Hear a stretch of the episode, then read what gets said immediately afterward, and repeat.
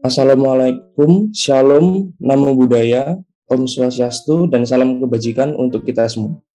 Welcome to BLS Talk. Balik lagi nih di podcast BLS yang pastinya akan seru banget karena episode kali ini kami akan membahas tentang tips mengembangkan potensi diri sebagai mahasiswa di bidang akademik dan organisasi. Namaku Krisna. Namaku Dava. Dan kami dari Angkatan 2021. Di sini kami diamanahi untuk menjadi MC dari BLS Talk. Nah, BDW, apa kabar nih, Dav? Oh, baik-baik aja nih. Kamu sendiri gimana, Tris? Puji Tuhan. Uh, kamu gimana nih nilai-nilainya semester ini? ya, aman, aman. Insya Allah aman. Kamu gimana? uh, puji Tuhan lah. Jadi hari ini kita mau bahas apa nih, Dav? Nah, jadi itu pada BLS kali ini kita tuh mau bahas suatu topik nih, yaitu tips mengembangkan potensi diri sebagai mahasiswa di bidang akademik dan organisasi. Nah, dalam pembelajaran tema yang lebih mendalam ini, tentunya kami juga menghadirkan narasumber yang keren banget nih. Kamu tau nggak, Chris? Dulunya tuh Presiden BMFH loh. Oh, kalau gitu siapa lagi kalau bukan Kak Rahardian Satya Mandala Putra? Kepada Kak Mandala, waktu dan layar dipersilakan. Oke, baik. Selamat siang teman-teman semuanya. Uh, Assalamualaikum warahmatullahi wabarakatuh. Salam kenal juga ya uh, buat teman-teman. Jadi untuk nama lengkap, nama lengkapku Rardian Satya Mandala Putra. Teman-teman biasa manggil aku Mandala. Dan saat ini aku kebetulan nih uh, lagi ngurusin BMFA UNER dan menjabat sebagai uh, Presiden BN seperti itu. Nah, uh, mungkin nanti seiring dengan berjalannya waktu uh, nanti ini ya diskusi yang yang akan aku pantikan mungkin nggak akan terlalu berat dalam dalam segi substansi uh, jadi semoga juga teman-teman yang mendengarkan bisa lebih enjoy dan lebih bisa mengaplikasikan lah semua yang aku sampaikan. Oke, okay, uh, mungkin untuk host, apakah ini langsung aku pemaparan atau gimana ya? Uh, jadi sebelum masuk ke topik utama kak, uh, mungkin aku boleh ya ngobrol-ngobrol dulu ke kak Mandara. Nah, jadi biar lebih tahu kak Mandara dalam. Iya iya, boleh banget, boleh banget. Oke, okay. jadi uh, Kak Mandala udah bilang tadi kalau sekarang Kak Mandala itu jadi Presiden BEM Eva Uner. Nah, selain jadi di bidang keorganisasian yaitu di Presiden Uner, Kak Mandala ada kegiatan apa lagi ya Kak? Misalkan di bidang akademik atau di bidang keorganisasian yang lain. Oke, baik. Uh, jadi untuk kegiatan akademis, kebetulan aku baru aja nyelesain program magang, program magang di salah satu perusahaan teknologi yang memang dia memfokuskan ke area hukum yaitu uh, eh, PT Justika atau biasa kita kenal sebagai hukum online.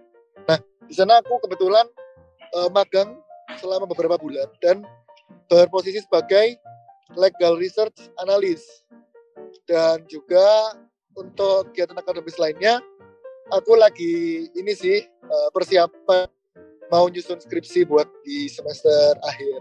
Nah, untuk keorganisasian, jadi selain aku juga di Presiden BEM ya di Eva Unair, itu aku kebetulan juga menjabat sebagai koordinator bidang internal dari organisasi penerima besok Bank Indonesia. Nah, organisasi ini itu namanya Generasi Baru Indonesia atau biasa kita kenal sebagai GENBI. Dan juga memang fokusnya adalah untuk mengembangkan gimana caranya anak-anak penerima beasiswa ini itu bisa istilahnya memaksimalkan lah, memaksimalkan potensi-potensinya gitu. Nah, selain di sana aku juga tergabung di Himpunan Pengusaha Muda Indonesia atau HIPMI ya. HIPMI Perguruan Tinggi Regional Universitas Erlangga. Jadi di HIPMI PT Unair itu aku menjabat sebagai Kepala Divisi Ekonomi Investasi dan Permodalan, di mana tugasnya adalah untuk memberikan pemahaman mengenai perekonomian, keinvestasian, permodalan dunia usaha bagi teman-teman yang memang membutuhkan di HIPMI ini dan juga tidak terbatas bagi uh, seluruh mahasiswa UNAI. Mungkin kurang lebih seperti itu ya. Wah, menarik banget ya. Uh, Kak Mandala ini mulai dari magang di PT Justika, kemudian uh, fokus untuk membuat skripsi, kemudian uh, magang di beberapa tempat juga, juga menjadi staf di HIPMI. Uh, aku penasaran nih kak, uh, pas kakak magang di PT Justika, yaitu di hukum online, kakak kan menjadi legal research analyst. Kira-kira itu uh, kayak tugasnya itu ngapain aja ya kak? Oke, ya tugasnya kurang lebih kalau secara sederhananya adalah membuat kajian dan juga melakukan analisis terhadap peraturan hukum yang ada. Nah, uh, untuk pemfokusannya itu aku di uh, kebetulan di Undang-Undang Cipta Kerja dan juga beberapa peraturan-peraturan yang memuat tentang pelindungan konsumen. Dan memang dilaksanakan secara daring ya, jadi uh, aku melakukannya mobile gitu sambil ada kesibukan di sini. Oh, seperti itu ya, Kak. Jadi uh, tugasnya adalah menganalisis aturan hukum yang ada. Uh, kalau begitu lanjut ya kak. Uh, kak Mandala kan aktif banget ya di bidang organisasi maupun di bidang akademik seperti yang udah kak Mandala jelasin. Kalau aku boleh tahu apa sih kak alasan Man kak Mandala tertarik untuk terjun ke dalam bidang keorganisasian? Oke, pertanyaan yang bagus. Jadi kenapa sih sebenarnya kok aku ini uh, apa suka ya di kegiatan organisasi ini juga sering ditanyakan juga sama teman-teman yang beberapa kali juga mengundang aku sebagai pemateri. Uh, intinya adalah memang aku menganggap organisasi ini itu tempat kita untuk menambah relasi tentu ya pertama. Kemudian yang kedua mengasah kompetensi serta juga pengalaman kita. Nah, kita bercontoh nih, misalnya kalau waktu SMA dulu kan aku kebetulan gabung di OSIS. Nah, awal mula ketertarikanku untuk berorganisasi itu memang tumbuh dari sana. Jadi aku yang awalnya dulu ya sekolah biasa, terus itu uh, ikut kegiatan seperti pada umumnya. Kemudian coba nih, coba ikut OSIS. Nah ternyata kok senang, ketagihan. Aku aku punya hobi berkomunikasi dengan orang. Jadi ketika misalnya aku itu berada di lingkungan baru, aku gak akan pernah diam. Aku pasti uh, melakukan interaksi sosial di sana dan juga istilahnya menjalin silaturahmi. Karena kan kata orang, semakin banyak teman kita, maka akan semakin banyak rezeki juga. Nah, itu juga menjadi salah satu uh, kunci dalam perjuanganku sampai dengan detik ini. Terus selain itu, aku percaya organisasi ini itu bisa mengantarkan orang yang sebelumnya bukan apa-apa menjadi orang yang sedikit berdampak. Ya, kenapa kok aku bilang sedikit?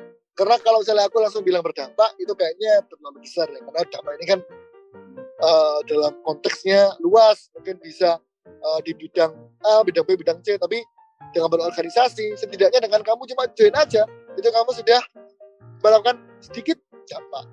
Kita ambil contoh misalnya uh, beberapa pejabat-pejabat negara ya di, di Indonesia itu kan kebetulan juga banyak sekali yang mengawali karirnya itu di organisasi. Bahkan juga beberapa dosen-dosen dan juga dekan-dekan yang terkenal itu uh, mengawali karirnya nggak cuma dia seperti kuliah aja, tapi juga berorganisasi dan itu juga menjadi salah satu motivasiku untuk terus berkembang dan berkembang melalui platform organisasi ini seperti itu. Oh, jadi seperti itu ya kak. Jadi alasan Kak Mandala untuk aktif di organisasi ini mulai dari SMA tertarik dengan OSIS, kemudian bisa juga untuk menambah relasi, menambah kompetensi, dan sangat banyak lagi manfaat-manfaat yang bisa didapat dari mengikuti organisasi. Iya, betul-betul. Nah, sehubungan dengan organisasi tadi, Nah, setahu tuh Kak Mandala pernah jadi anggota BLS FH UNER ya, sebelum jadi uh, Presbem FH. Nah, mau nanya nih Kak, ketertarikan awal Kak Mandala ngikutin BLS ini apa sih Kak? Oke, mantap Dava atas pertanyaannya. Ya, jadi kebetulan dulu sebelum aku berhasil ya menjadi presbem atau mungkin kita, kita nyebutnya ketua BEM aja ya. Karena kalau presiden kayaknya apa kayak kayak gimana gitu jadi lebih mungkin lebih prefer uh, sebagai ketua bem nah uh, dulu itu memang aku sejak masih jadi maba itu bergabung di BLS ini. Nah tapi dulu kan namanya masih belum BLS, namanya masih Forum Studi Bisnis. Kemudian sekarang di kepengurusannya rekan saya, sahabat saya, Iqbal, uh, melakukan istilahnya uh, progresivitas ya, diubah namanya, kemudian juga perluas uh, perluasan makna dan juga biar organisasinya lebih uh, lancar gitu. Nah, aku dulu kenapa kau memilih PLS ya sebagai tempatku salah satu tempat untuk berkiprah itu adalah karena memang aku memandang kita sebagai masa hukum itu nggak bisa kita saklek. Ya udah hukum cuma di pengadilan hukum cuma di beberapa aspek tertentu yang memang sebatas kayak polisi jaksa pengacara gitu tuh kan. Kalau kalau kita bicara tentang hukum ataupun mungkin hakim. Nah aku memandang bahwa sebenarnya profesi hukum ini bisa lebih itu. Aku percaya kalau kita itu uh, bisa kok jadi kayak legal counsel, kemudian legal analis, legal research, dan itu memang uh, satu hal yang harus kita lakukan sebagai mahasiswa di era society 5.0 ini, kita harus akrab dengan yang namanya digitalisasi. Nah, berangkat dari hal itu, aku aku tertarik nih ke yang namanya hukum bisnis dan aku cari kira-kira apa ya organisasi development yang bisa mewadahi aku di bidang hukum bisnis ini. Akhirnya sampailah pada waktu itu uh, di Disney BSO aku melihat, wah ini kayaknya organisasi seru nih. Kayaknya bisa banget loh untuk menampung apa yang aku cari, bisa loh untuk memberikan apa yang aku butuhkan. Akhirnya aku memutuskan untuk memilih di PLS dan alhamdulillah ternyata aku ini tersesat, tersesat di jalan yang benar. Jadi uh, sangat menikmatilah proses-proses yang ada di PLS ini. Seperti itu ya. Oke, kalau gitu mau lanjut nanya lagi ke uh, follow up questionan ya. Terus sejauh ini manfaatnya apa aja kak kalau udah masuk ke dalam BLS FH ini kak? Oke, jadi manfaatnya tentu banyak banget. Yang pertama, BLS ini kan merupakan BSO yang bergerak di bidang intelektual. Ya, kita sebagai mahasiswa itu memang mempunyai kewajiban untuk selalu mengupgrade diri, selalu meningkatkan pemikiran kita dan seterusnya seterusnya. Nah, BLS ini sebagai uh, eh, BSO yang berorientasi pada intelektual, mengembangkan diri di bidang bisnis, itu sering kali mengadakan workshop-workshop, kemudian juga mengadakan webinar. Nah, dari sana, aku secara pribadi merasa sangat terbantu nih. Kayak, aku sebenarnya nggak pernah dengar namanya hukum persaingan usaha. Nggak pernah dengar mengenai hukum lindungan konsumen, mengenai hukum perseroan. Tapi setelah join BLS, aku jadi yang masih masa baru, itu tertarik.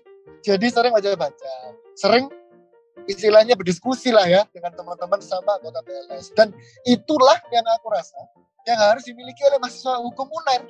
Jadi bukan BSU yang sekedar ya udah banyak proker kemudian juga me, apa istilahnya meneruskan program tahunan tanpa memperhatikan kualitas-kualitas intelektual dari tiap anggota-anggotanya. Nah, di PLS ini selain juga dia memberikan itu dia juga mempunyai istilahnya alumni. Alumni yang berproses di tempat-tempat yang luar biasa ya. Mungkin kita bisa bilang di KPPU di law firm di bidang hukum bisnis di pemerintahan dan semuanya itu terkondisi jadi satu. Nah ketika terkondisi jadi satu itu memudahkan kita untuk istilahnya bertukar pikiran. Bertukar pikiran dan juga menciptakan kolaborasi-kolaborasi. Nah dari kolaborasi itu kita akan berfungsi untuk pengembangan diri kita sebagai persiapan menuju dunia kerja. Dan itu yang sebenarnya harus dilakukan oleh besok-besok yang ada di Fakultas Hukum Universitas Erlangga ini. Jadi seperti itu. Berarti manfaatnya itu banyak banget dong kak. Mulai dari uh, belajar hukum-hukum yang bahkan tadi Kak Mandala belum tahu. Terus juga uh, eh, alumni alumni BLS ini sangat-sangat uh, berkualitas semua ya kayak Nah, semoga nanti kita semua juga bisa berkembang seperti Kak Mandala ya di BLS ini nanti Kak. Amin, amin. Pasti bisa, pasti.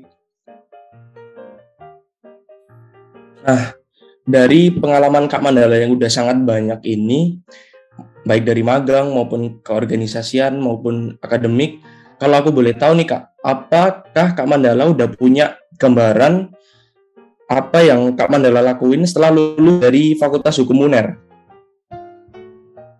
Ya, uh, terima kasih atas pertanyaannya. Jadi untuk gambaran apa yang akan aku lakukan setelah uh, di hukum UNER, itu yang pertama sih aku ingin kerja ya. Aku pengen kerja, aku pengen mengejar cita-citaku, uh, ya kalau memang dari Allah merestui aku untuk apa berkarir di bidang teknologi dan hukum maka aku akan bikin di sana kemudian juga di bidang hukum bisnis dan tentunya harapan-harapanku harapan-harapanku yang lain adalah aku ingin terus berorganisasi ya jadi aku nggak ingin kita uh, ibaratnya sebagai mahasiswa itu cuma kuliah-kuliah aja cuma apa diskusi-diskusi aja, kajian-kajian aja, nulis-nulis aja. Tapi harus harus berorganisasi. Dan itu enggak terpetok di S1 aja. Tapi juga bisa di S2, S3, dan juga jenjang lainnya. Dan itu, kita sebagai mahasiswa hukum ini kan selalu terbiasa dengan forum-forum intelektual. Selalu terbiasa dengan diskusi-diskusi.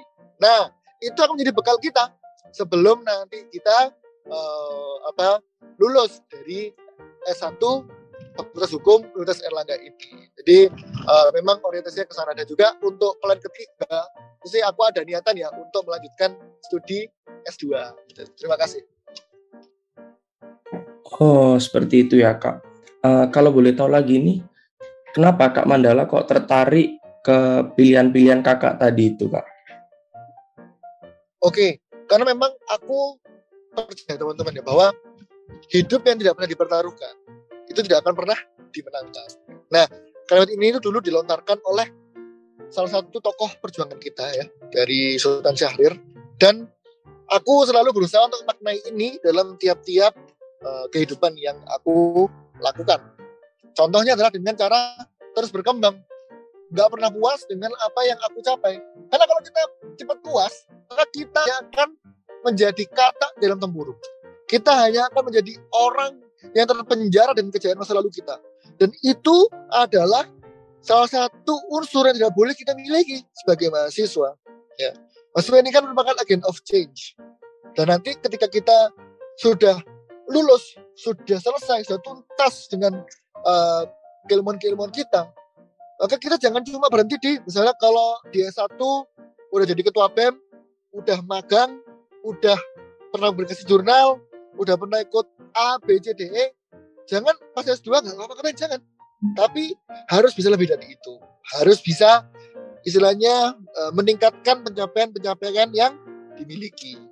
Jadi memang berangkat dari pemahaman itu sih kalau dari yang uh, aku miliki seperti itu.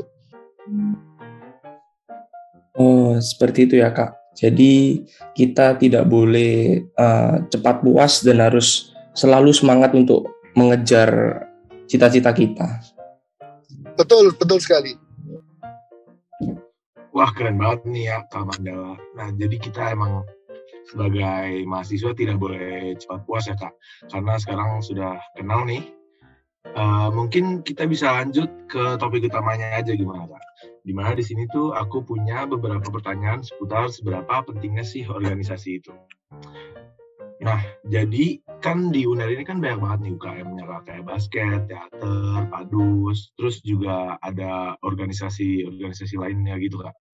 Menurut kakak, apakah penting untuk ikut UKM organisasi atau kepelatihan ini kak? Ya penting, sangat penting karena kita selain harus belajar, itu seperti yang saya sampaikan tadi, itu harus meningkatkan soft skill soft skill kita, kompetensi kompetensi kita. Karena kalau itu nggak dilatih, maka itu nanti hanya akan tertimbun di dalam dan nanti tidak teraktualisasikan dengan baik. Jadi teman-teman ini ibaratnya punya emas, ya. Kita menganalogikan bakat teman-teman ini merupakan emas yang terpendam. Nah, kalau itu nggak digali dengan cara kalian ikut organisasi uh, di kampus, maka akan rugi dan kalian tidak akan maksimalkan potensi yang kalian miliki. Nah, itu kan berarti sayang sekali. Gitu. Jadi kalau lebih seperti itu.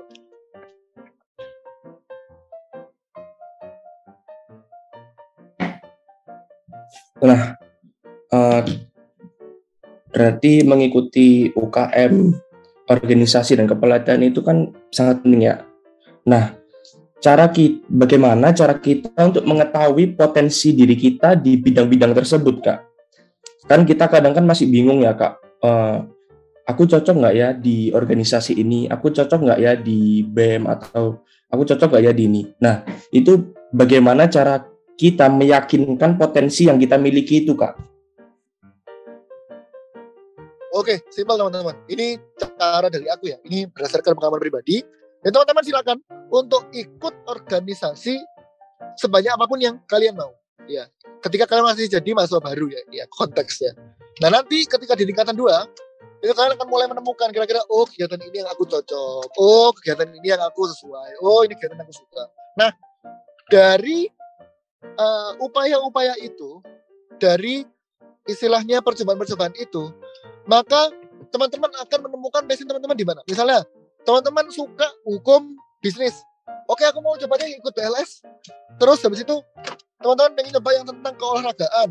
Jadi aku coba deh ikut UKM basket. Aku coba deh ikut UKM futsal. Aku coba deh ikut UKM volley dan segala macam hal lainnya. Nah ketika teman-teman ini apa uh, ya ketika teman-teman ini mencoba semua organisasi itu maka di sana teman-teman akan berusaha untuk menangkap apa yang memang sebenarnya teman-teman butuhkan. Ketika nanti di salah satu uh, organisasi itu teman-teman merasa ada kecocokan dan memutuskan untuk lanjut ya berarti di sana passion teman-teman. Dan betul atau tidak sebenarnya passion bakat minat itu bisa diasah bisa dilatih bisa dibangun hingga pada akhirnya nanti teman-teman bisa menemukan apa yang memang teman-teman cari. Jadi seperti itu tips dari aku. Aku mau nanya lagi nih kak. Uh, terus uh, kalau ikut banyak organisasi itu nanti bisa bingung gitu nggak ya kak? Soalnya kan nanti terlalu banyak milih banyak organisasi gitu.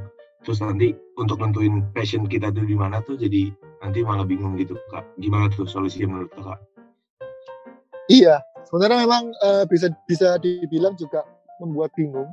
Tapi itu juga perlu untuk untuk agar kita ini uh, tahu ya kira-kira potensi kita seperti apa. Dan itu juga salah satu alasan kenapa kok uh, apa kita ini cuma boleh banyak organisasi itu ketika misalnya musim apa jangan ketika tahun kedua. Karena kalau misalnya tahun kedua nanti kalian akan mulai diadakan dengan banyak proker kalian kalian kalian akan diadakan dengan yang baru dan itu akan menghambat.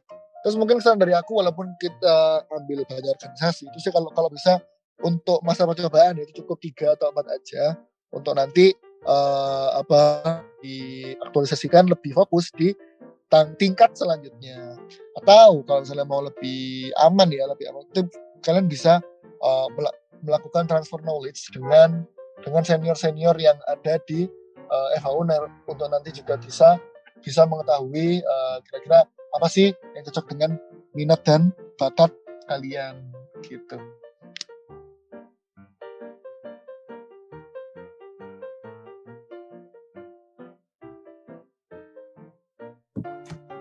Oh, seperti itu ya, Kak. Uh, kalau berarti Kak Mandala pernah nggak, Kak, merasa kebingungan mengikuti banyak organisasi gitu, Kak?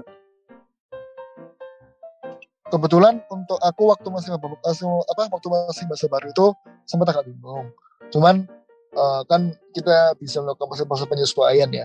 Dan di sana akhirnya setelah aku istilahnya menemukan apa yang aku cari, aku udah tidak bingung lagi. Oh, seperti itu ya, Kak. Uh, berarti tips-tips dari Kak Mandala ini cara biar nggak kebingungan dan nemu passion kita itu ikut organisasi pada saat semester-semester awal ya, Kak. Dan itu ya. dengan minat bakat kita.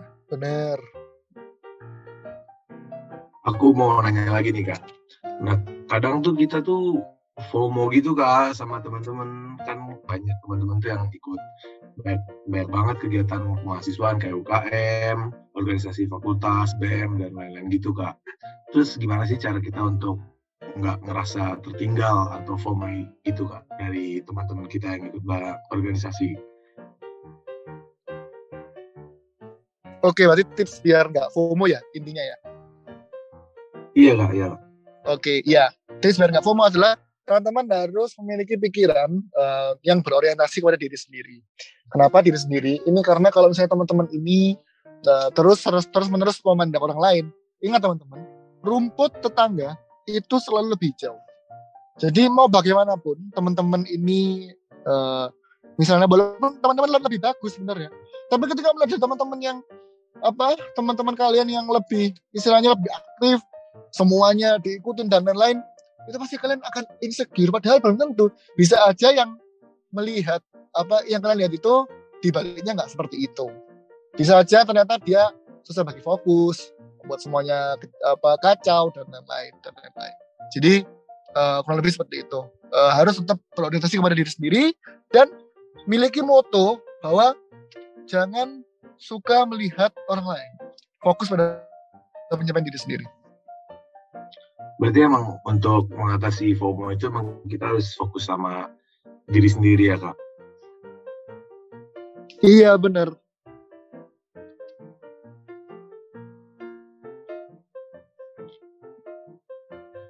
Oke. Nah, menarik banget nih Kak jawaban dan tips-tips yang diberikan sama Kak Mandala itu. Penasaran nggak sih untuk kelanjutan dari obrolan kita sama Kak Mandala?